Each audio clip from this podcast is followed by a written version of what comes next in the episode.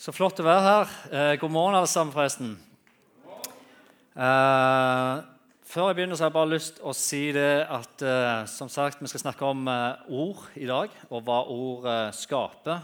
Det vi lytter til, og de ordene vi faktisk velger å bruke, måten en bruker det på. Før vi begynner, så har jeg bare lyst til å gi en liten tilbakemelding. Det var veldig hyggelig å se Sissel her, og Tore, som jeg kjenner veldig godt fra før. Tore og jeg har jobba som kollega i noen år i Lyngdal. Eh, som pastorkollega. Og eh, jeg må bare være helt ærlig og si det, at jeg savner Tore. Så den dagen dere ikke trenger Tore mer, så send han i vår vei. For vi vil gjerne ha han hjemme. Nei, vet du hva, dere, er kjempeheldige, og det vet dere òg. Eh, men dere er veldig veldig heldige og har fått en av de bedre og beste pastorene som faktisk går an å oppdrive. Og jeg kjenner ganske mange pastorer, og det er mye rart. Ja. Eh, dere har fått en veldig god mann, så jeg håper at dere setter veldig pris på han, og at de får lov til å merke at dere er glad i dem. Dere er heldige. Vi skal i dag snakke om kraften i ordet vi bruker og hører. Eh, men før vi begynner, så pleier vi av og til å ha en liten historie. Er det greit at vi har en liten historie? Det skal være litt morsomt, dette, så jeg håper at dette er greit. Det er av og til sånn Når du reiser rundt, så er det ikke humoren akkurat den samme alle plasser, men jeg håper at denne går greit. Men det var sånn, og det handler om ord. Jeg hørte om denne eldre dama som kom tidlig til kirka en morgen. Og som i alle kirkemenigheter så er det jo en møtevert som sier 'velkommen'.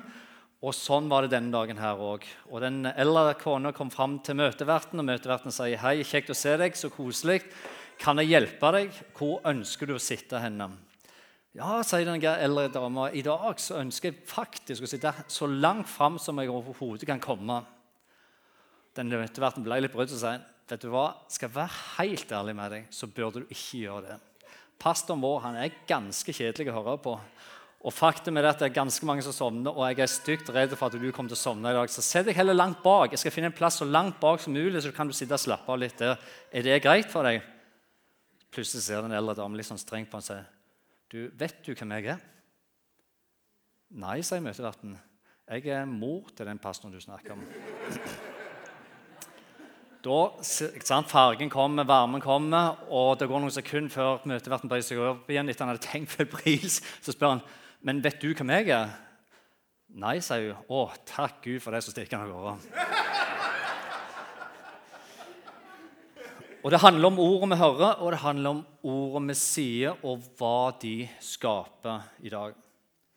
Og Nå vet jeg ikke hvordan det er med deg, men det er klart at hvis du er hos tannlegen hvis du er ikke tannlegen, du sitter i tannlegestolen Sånn er det i hvert fall for meg. Hvis den tannlegen mens han ser ned i munnen din, plutselig ser opp, roper til en kollega og sier 'Kom og se, kom og se', og kollegaen kommer inn og de bøyer seg over munnen min og så sier 'Oi, oi, oi'. Dette ser ikke bra ut. Og faktisk begynner å le. Det er klart at de ordene der skaper en reaksjon i meg. når det ligger der. Eller hvis det er sånn at du er på reise til Kina eller til Thailand eller utlandet, noe som jeg har vært, og han i passkontrollen plutselig ser på bildet ditt og så begynner han å rope noe høyt til alle de andre politiene rundt omkring, og alle de begynner å le det er klart, Selv om du ikke forstår bedre hva han kan si, så skaper det noe reaksjon i deg, de ordene som har blitt delt. Sant? Eller dette som er en sann historie. Jeg har spilt innebandy fast i mange år på, eh, på høyt nivå. Og En gang vi spilte en kamp, så kom jeg alt jeg klarte. Jeg hadde sprunget alt jeg makta klarte, og så fikk jeg en pasning. Og så drar jeg til på et skudd, sant? så høy kølle, og så drar du til alt det du makter å klare. Og så plukker keeper det ganske lett. Det er jo veldig gøy når du springer ned langs sida og hører treneren rope 'Veldig bra jobba igjen, men prøv å skyte neste gang heller'. Sant? Det er ikke så veldig gøy, for det ordet de har makt i seg, og de skaper noe. Med andre ord, våre ord kan gi liv, og våre ord kan ta liv. Våre ord kan løfte opp, og samtidig kan dine og mine ord bryte ned mennesker rundt oss. De gir liv, og de tar liv. Og tingen er den at Bibelen snakker utrolig mye om dette.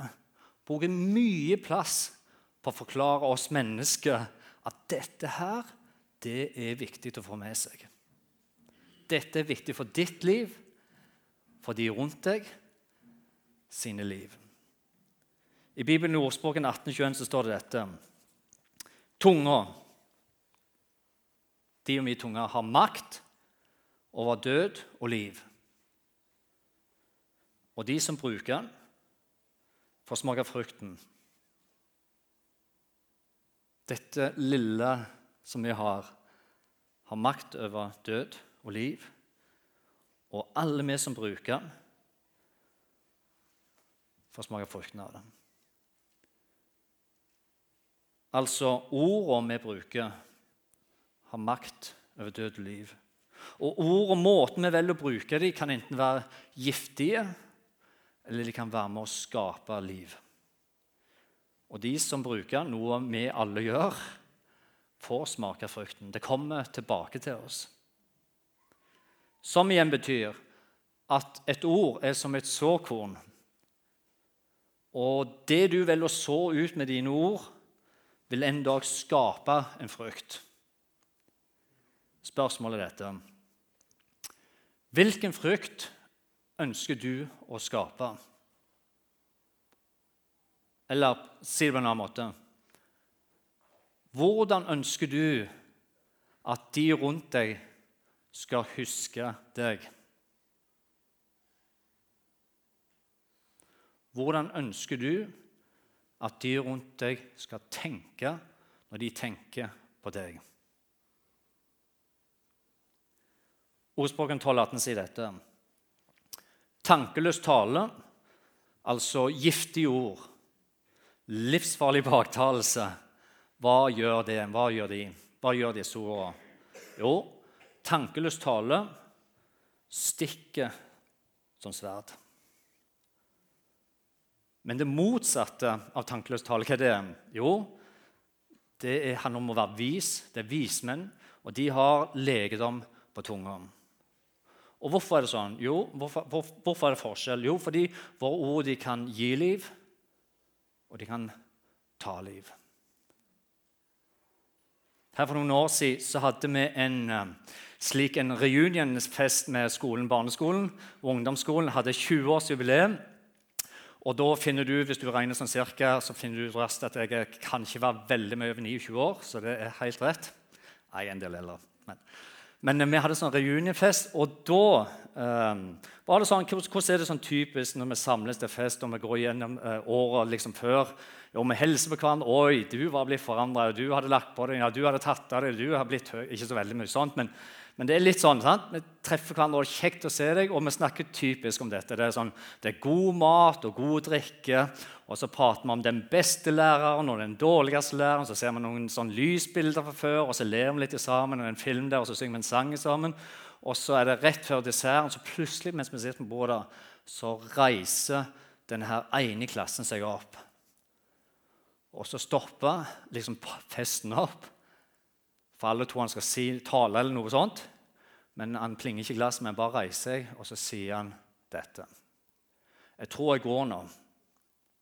For når jeg ser på deg og deg, så er jeg 20 år tilbake igjen i skolegården da jeg ble mobba av dere. Og akkurat nå så orker jeg ikke det i livet mitt. Han går ut og kommer ikke igjen.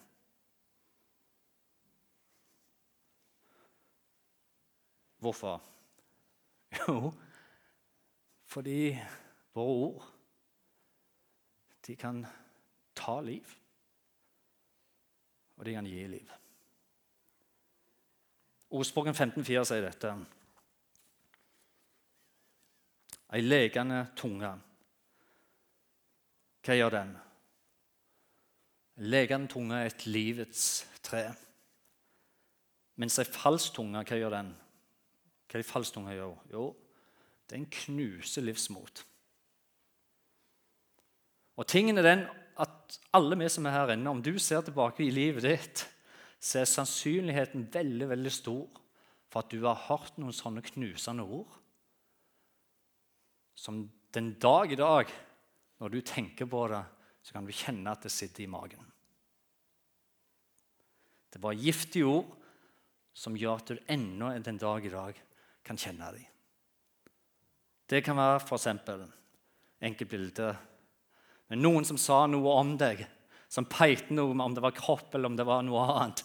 Eksempel, Uh, hvis du har vært hos frisøren i tre timer, da, noe jeg ofte er Jeg er ikke det, altså.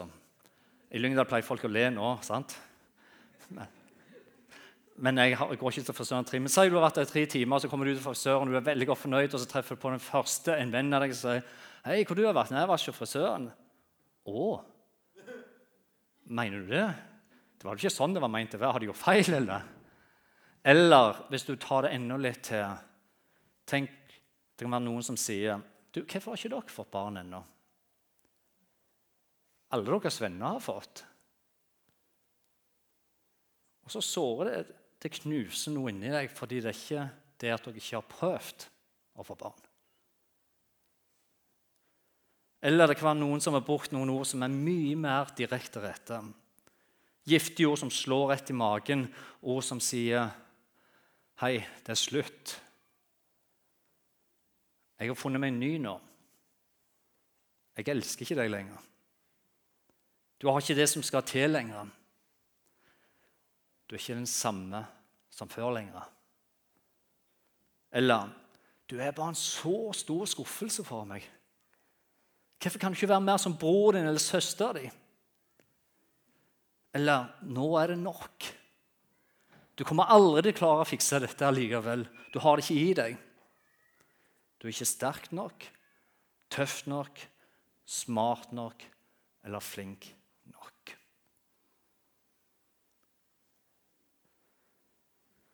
Sannheten er at mange av oss kan se tilbake i livene våre og finne øyeblikk der slike giftige ord traff oss hardt. Og på samme måte så finner vi òg det motsatte livgivende ord. Legende ord, noen som sa noe som bringte liv til oss. Ord som 'Hør, jeg har tro på deg. Du er så spesiell for meg.' 'Det er så bra at du er med meg. Jeg er så stolt av deg.' 'Jeg er så takknemlig for å ha deg i mitt liv.' Eller 'Hva skulle jeg gjort uten deg?' Så bra at du er den du er. Så bra at du er en del av livet mitt. Jeg elsker deg, og jeg bare elsker å se at du bryr deg om andre. Eller 'Dette var bra. Bra jobba. Stå på.' Om du leser Bibelen og kommer til 4. Mosebok, så vil du se at det er midt i en sånn kamp mellom orda Israelsfolket befinner seg. Og sannheten at denne historien ender jo faktisk katastrofalt. Men det er kamp mellom de gode ordene og de giftige ordene.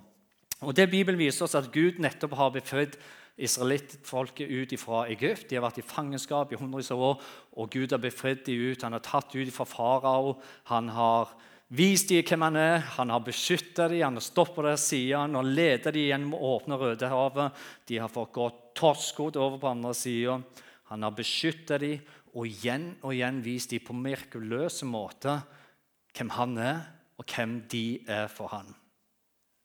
Med andre ord stol på meg. Stol på mitt ord. Jeg ønsker bare det beste for deg. Tvil ikke på det jeg sier. Jeg har litt lengre perspektiv enn dere. Og De ser det igjen og igjen. ja, Når vi stoler på så går dette greit. Og det går fint. Og nå står de med grensa og skal inn i løfteslandet. De er helt på siste terskel. De skal inn i løfteslandet. Og det som står videre, er at Moses, som leder folket, han vil ut tolv disipler, en fra hver stamme, og for å sende dem inn for å se og speide ut landene som Gud har lovt. Tolv speidere reiser inn, og de kommer tilbake igjen. Og det som står videre dette her, Når de tolv speiderne kommer tilbake til Moses-folket, så står det dette. Vi kom inn i det landet du sendte oss til. Og det flyter virkelig med melk og honning. Med andre ord hør, Det landet er nøyaktig sånn som Gud har sagt det skal være. Det er et fantastisk land. Det flyter med melk og honning som er et bilde på det er enorme velsignelser som ligger og venter på oss. Og Bare for å vise det liksom, så har de tatt med seg noe frukt. står det. Og Det står ikke dette her, men det står at når de kaster frukten ned Det står ikke dette her, men jeg ser for meg at det står når de kaster frukten ned, så tenker jeg folk og sier Wow! Det er jo helt fantastisk! Sjekk den frukta! For en Gud vi har, som ønsker dette gode for oss. Det er jo helt, helt rått, som en sier på ungdomsspråk. da, sant? For en Gud. Og tingen er den at opp til nå så ser nesten dette her for godt ut til å være sant. Opp til nå så står de sammen som folk om oppdraget, om det Gud har lovt dem, den veien som Gud har, for de står sammen. Som folk, som menighet, så har de et mål og et oppdrag. Vi skal gjøre det Gud har satt oss her for å gjøre. For det løftet skal vi innfri. Vi står i sammen. Men det var ikke så veldig lenge da. For ganske snart så snur tonen, og sannheten er jo at dette blir katastrofe. I vers 27 så sier de dette. Landet det flyter av melk og honning. Det er et fantastisk land, akkurat som Gud har lovt. Men bare fem vers seinere Noen minutter seinere så sier de samme speiderne som var inne, ti av tolv, at det landet som vi dro gjennom og undersøkte, det er et land som fortærer de som bor der. Og hva er det som skjer her? Hva, hva er det som skjer nå? Og videre ut gjennom. Har Gud endra seg? Nei. Har oppdraget som, menighet, som Gud ga dem til menigheten, til folket, har oppdraget endra seg? Nei. Har løfteslandet endra seg på noen få minutter? Nei. Men idet de begynte å lytte til de negative ordene,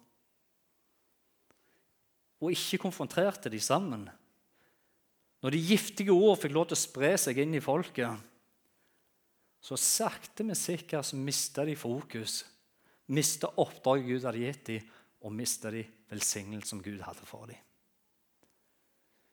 Og de ender opp med å miste det landet som Gud ønsket for dem i den generasjonen. 40 år går de i ørkenen til den generasjonen dør ut. Og hvorfor er det sånn? Jo, fordi våre ord de kan gi liv. Og våre ord kan ta liv. Ja, Gud har et løfte, Gud har et ønske, Gud har et oppdrag. Men vi har fått valget, og vi ønsker å gjøre det som Gud. Stole på Gud og se det i et stort bilde istedenfor bare oss sjøl. Våre ord kan gi liv, og de kan ta liv.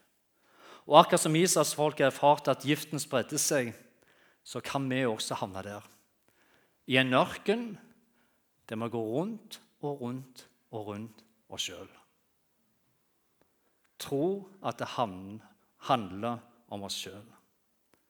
Så det vi skal gjøre nå i dette her, Vi skal se på to ting som er veldig, veldig viktig for oss. To ting som kommer til vi, det vi sier, og det vi hører. Og som jeg sa innledningsvis, vet du hva? Bibelen bruker mye plass på dette. Så dette må være viktig for oss, siden Gud bruker så mye plass i sitt ord. Hvorfor? Jo, fordi det kan endre hele relasjonen vi har til hverandre. dette. Det kan endre et ekteskap. Det kan endre mitt forhold til mine barn. Jeg har tre barn. Det kan endre vår menighet. Det kan endre måten en tenker og handler overfor Gud. Våre ord skaper liv eller tar liv. To ting som vi skal gjøre. Og Det første er dette her. Vi må beskytte vårt hjerte imot giftige ord. Beskytt ditt hjerte imot giftige ord. Hvordan gjør vi det? Greit, En historie fra Bibelen. En av de mest kjente historiene i Det gamle testamentet er historien om David og Goliat. Bare en liten test. Hvor mange her har hørt om David og Goliat? Ja, det var ganske bra, altså. Som sagt, en av de mest kjente historiene. Og I korte trekk så handler den om at Israel er i krig mot filistene. Og de har hatt en krig, og filistene har en kjempe som heter Goliat. I 40 dager har Goliat kommet ned i denne dalen som de kjemper hver side. Og han har håna og latterliggjort Israelsfolket, men ikke bare det, og Gud.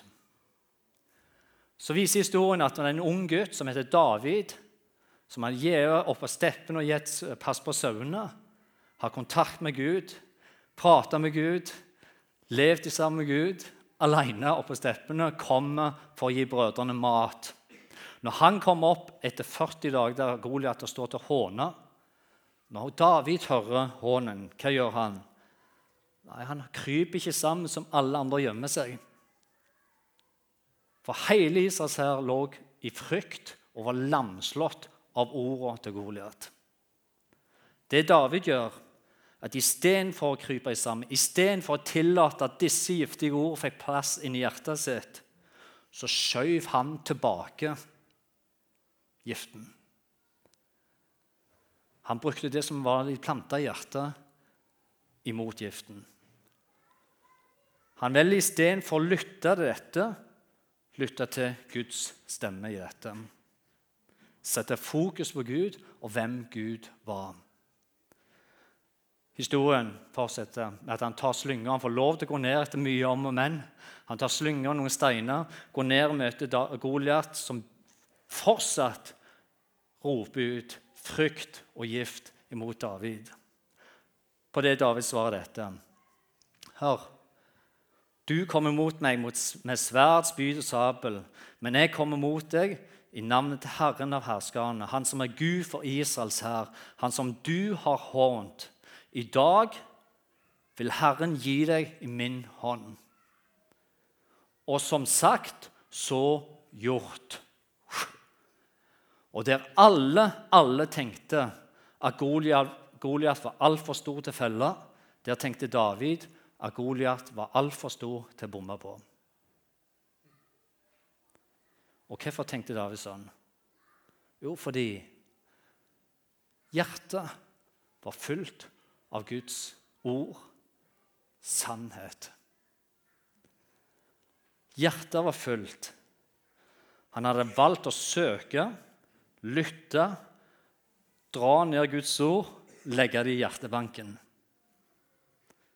Slik at den dagen han trengte det, så var hjertebanken fullt av Guds ord. Guds ord gikk ikke inn det ene øret og ut det andre. Han valgte å ta det ned og grunne på det og legge det i hjertet sitt. Slik at den dagen kom han trengte et uttak, så var det beredt.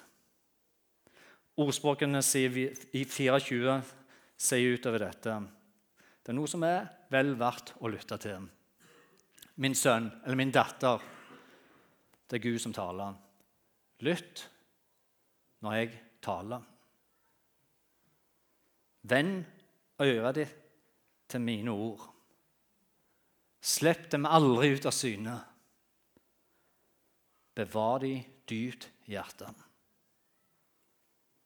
Og, og, Hvorfor er det viktig å lytte, og hvorfor er det viktig å bevare? Hvorfor er det viktig å lære seg dette, som David gjorde, og legge det i hjertebanken sin?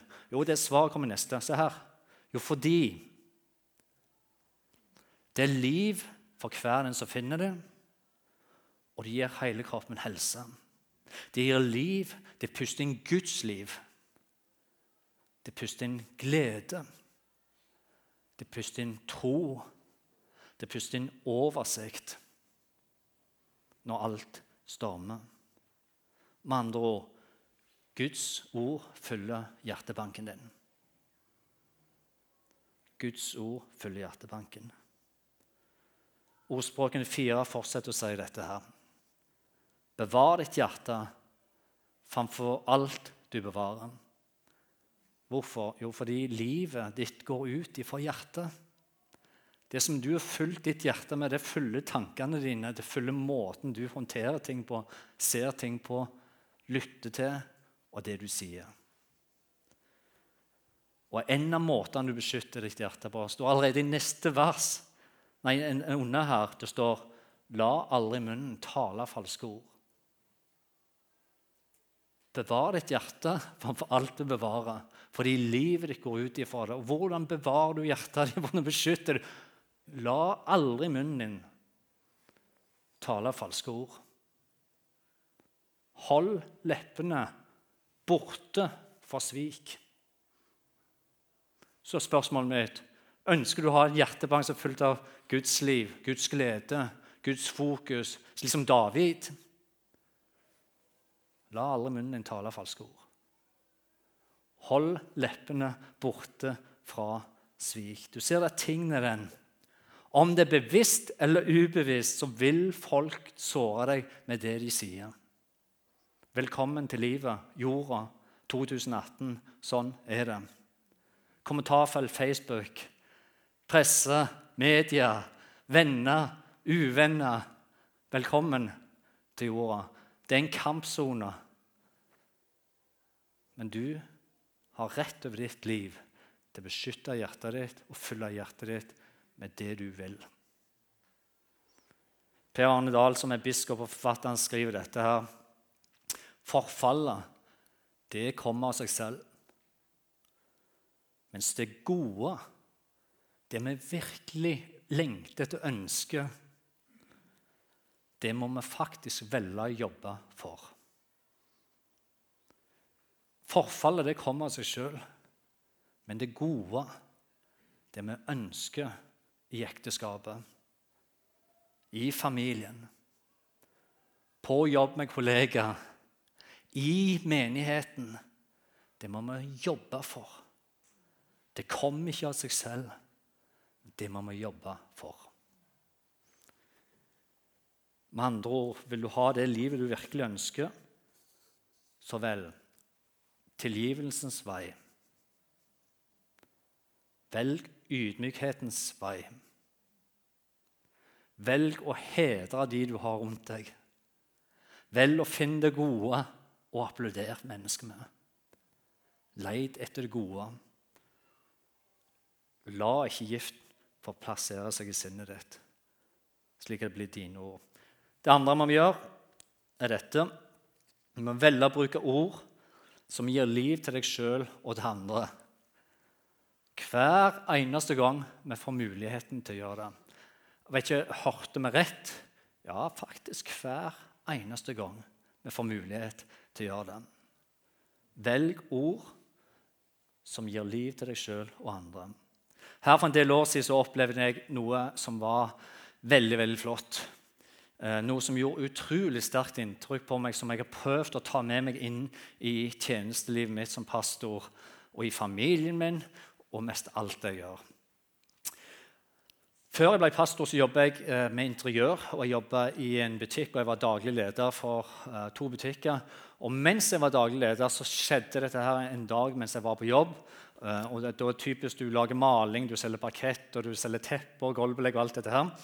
Og mens jeg var på jobb, så kom der en familie. Jeg så når de kom inn. Det var en, en pappa, en mamma og en liten gutt på ca. ti år.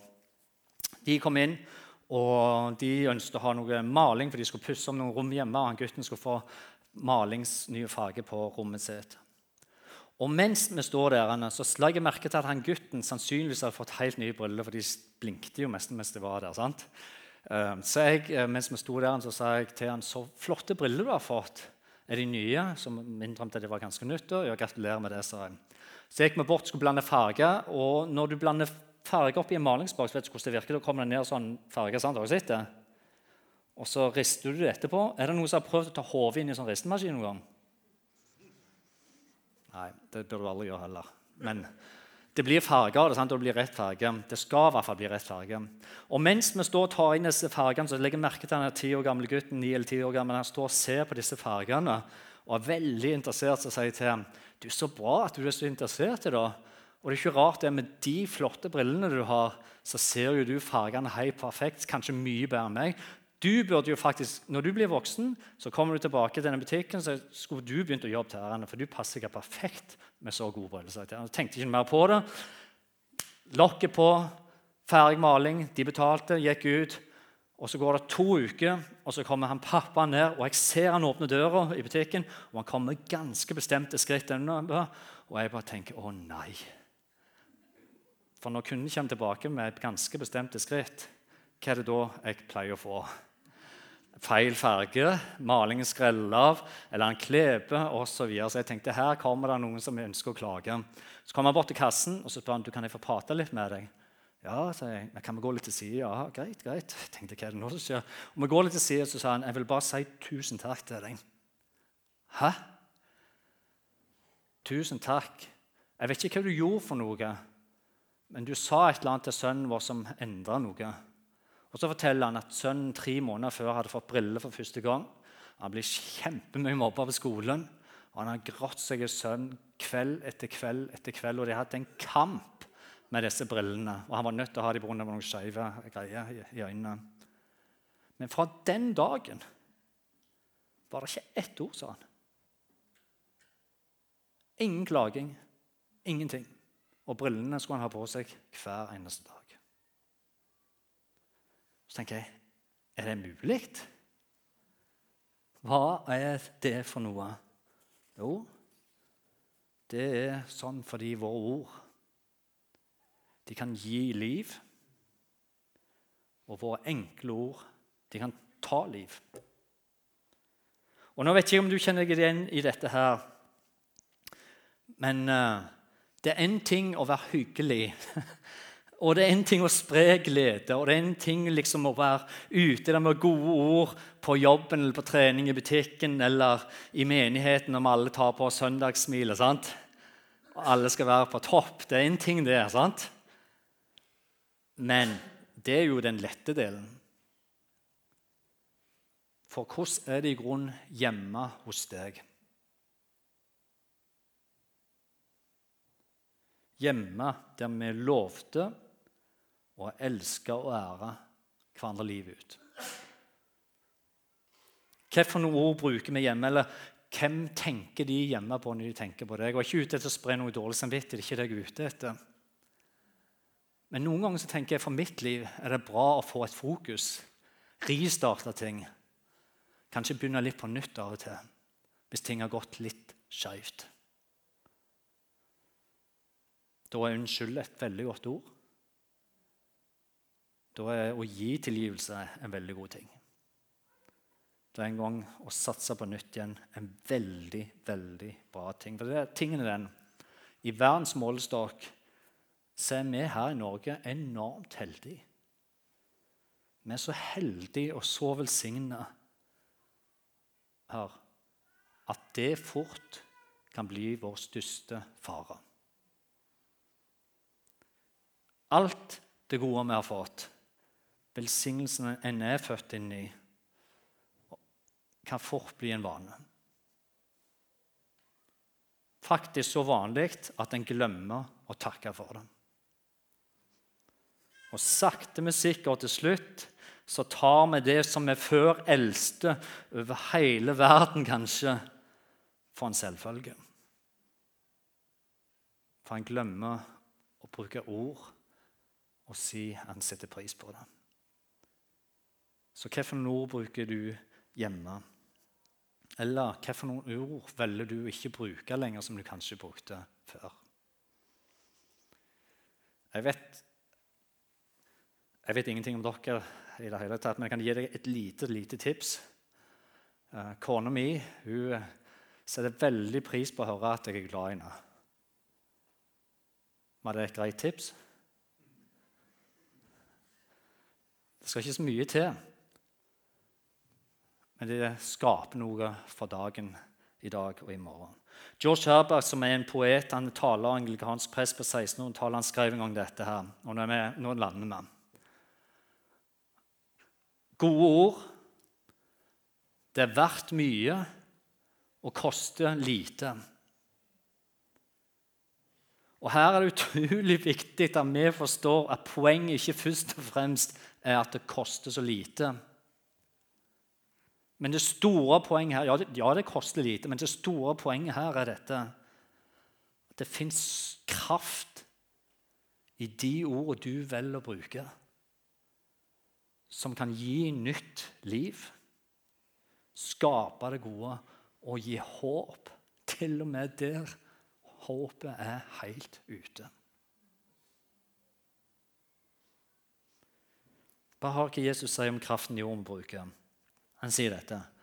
Sannelig sier dere, om noen sier til dette fjellet Løft deg og kast deg i havet, og han ikke tviler sitt hjerte, men tror den sier vil skje, da skal det også gå slik. Og Poenget er dette her, at istedenfor å stadig snakke om de vanskelige, de vonde fjellene i våre liv, stadig leve skyggen av disse fjellene som en gang var, så burde vi faktisk, sånn som David, stå opp og fortelle fjellene vi møter, om hvilken Gud og hvilken Jesus vi faktisk tilhører. Om vår Far som elsker, om vår Herre som frelser, om vår Gud som er mektig til å løse alle lenker og bånd. Ja, de som holdes nede i dag, om det gjelder i relasjon, i familie, med økonomi, angående det å gi videre til andre eller velge så inn i menigheten. Og bare så Det er sagt, det er ikke noe herlighetsteologi. Det er ikke herlighetsteologi der du fornekter en reell situasjon i livet. Nei, det handler ikke om fornektelse, men det handler om å velge et liv der du beskytter deg mot gift og mot løgn, og heller velge et liv som velger å si ut Guds ord, ønsker Guds ord over seg sjøl og de rundt seg. I Lyngdal, der jeg kommer fra, pleier folk som på cirka på den tida her å si amen. Jeg vet ikke hvordan det er i Porsgrunn. OK? Er det OK, okay da? Du, eh, var dette greit? Ja. Jeg spør ikke fordi jeg trenger tilbakemeldelse, men jeg tenker at av og til er det greit å si det er greit. sant? Uh, ordet er veldig viktig for oss. Og du har så mye godt å dele med andre. Du har så mye godt å legge dine øyne på. Velg å si det. Velg å legge merke til det, og velg å løfte andre opp. Så har det seg sånn sjøl at den frukta som du velger å så ut, den kommer ofte tilbake. Og det sier Guds ord òg. Det kommer tilbake. Slik at du velger å være den som tilgir, at du velger å være den som lytter, at du velger å være den som stoler på Guds ord, som velger å ta Gud inn i utfordringene og fortelle fjellene det negative, hvor det hører hjemme, og hvem du er i Han. Amen. Skal vi ta oss og be sammen til slutt? Gode Far i himmelen, vi ønsker bare å takke deg og prise av deg, Herre. Alt er av deg, og alt skal en dag framføre deg, Herre. Det står i ditt ord at en dag skal vi alle framføre din trone.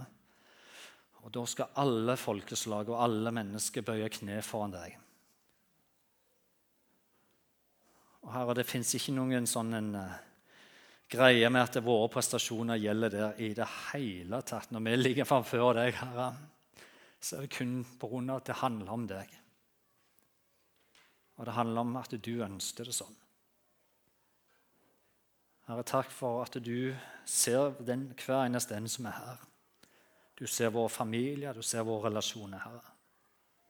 Og livet det er ikke enkelt, Herre. Livet kan være kjempeutfordrende og kjempevanskelig. Men takk Herre for ditt ord som kommer med rettledning og visdom og kraft og styrke, Herre. Takk for ditt ord det, er derfor du ønsker bare det beste for vårt liv. Og så ber du oss om å stole på deg.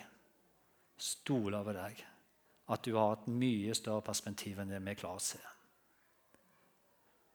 Så jeg ber for oss alle her at det må være sånn at den dagen vi bøyer kne framfor din trone, så skal vi sammen få løfte våre hender og våre tanker og vår pris til deg. Forvalte den gode del og stole på deg. Herre, jeg ber for oss som kanskje har noen relasjoner som vi sliter med. Nå må du vise det nå og hjelpe oss til å ta gode valg i det, Herre. I Jesu navn.